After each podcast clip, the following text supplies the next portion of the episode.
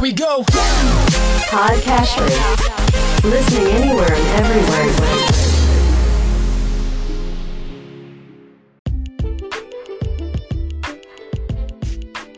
Welcome to Weekly Investment Podcast bersama saya Ferdian Syahputra dari Ispring Investment Indonesia. Untuk Prudential Indonesia, neraca fiskal merupakan neraca yang menggambarkan kondisi keseimbangan anggaran pemerintah. Dihitung dari penerimaan pemerintah dikurangi pengeluaran pemerintah. Jika hasilnya positif, maka pemerintah disebut memiliki surplus fiskal. Jika negatif, disebut memiliki defisit fiskal. Angka surplus atau defisit ini kemudian dibandingkan dengan produk domestik bruto dan menghasilkan persentase yang banyak digunakan untuk menganalisis kondisi ekonomi. Secara umum, surplus fiskal memberikan gambaran bahwa pemerintah memiliki kemampuan menghasilkan penerimaan yang baik dan tidak membelanjakan seluruh penerimaannya. Sedangkan defisit fiskal menggambarkan bahwa pemerintah tidak memiliki cukup penerimaan untuk membiayai pengeluarannya. Jadi manakah yang lebih baik, defisit atau surplus? Beberapa pihak menganggap surplus fiskal dianggap lebih baik daripada defisit fiskal, karena artinya pemerintah mampu membiayai pengeluarannya. Namun, di sisi lain, beberapa pihak menganggap hal tersebut merupakan gambaran ketidakmampuan pemerintah mendorong belanja pemerintah untuk meningkatkan pertumbuhan ekonomi. Sementara defisit dianggap negatif karena berarti pemerintah membelanjakan lebih besar dari penerimaannya. Namun, ada juga yang menganggap positif karena pembiayaan defisit dianggap mampu mendorong investasi dan merupakan stimulus pertumbuhan ekonomi.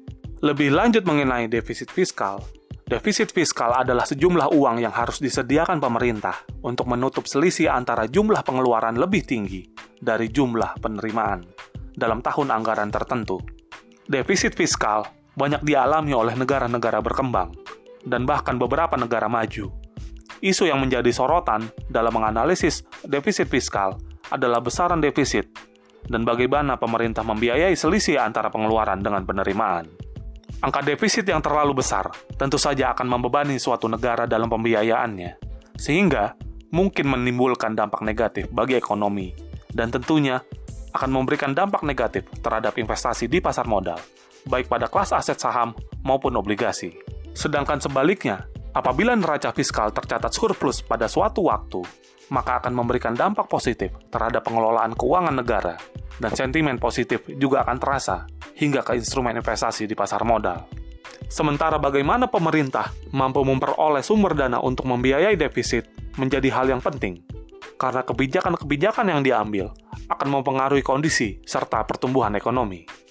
Dan tentunya juga akan mempengaruhi kinerja investasi di pasar modal yang memang cukup sensitif terhadap kebijakan tata keuangan negara yang akan memberikan dampak terhadap perekonomian secara keseluruhan. Pembiayaan defisit dapat dilakukan dari dua sisi, baik penerimaan maupun pengeluaran. Dari pengeluaran, pemerintah dapat melakukan penghematan dan efisiensi dalam rencana pengeluaran. Sementara dari sisi penerimaan, pemerintah dapat meningkatkan jumlah pendapatan melalui penerimaan pajak maupun pembiayaan dengan hutang, baik hutang dalam negeri maupun hutang luar negeri. Jika pemerintah membiayai defisit dengan hutang, maka biasanya pemerintah akan mengeluarkan obligasi pemerintah Dapat dibayangkan, jika pemerintah terus-menerus mengalami defisit dan membiayainya dengan hutang, maka jumlah hutang yang akan semakin besar akan membebani ekonomi suatu negara. Demikian Weekly Investment Podcast dari Ispring Investment Indonesia untuk Prudential Indonesia. Semoga bermanfaat dan salam investasi.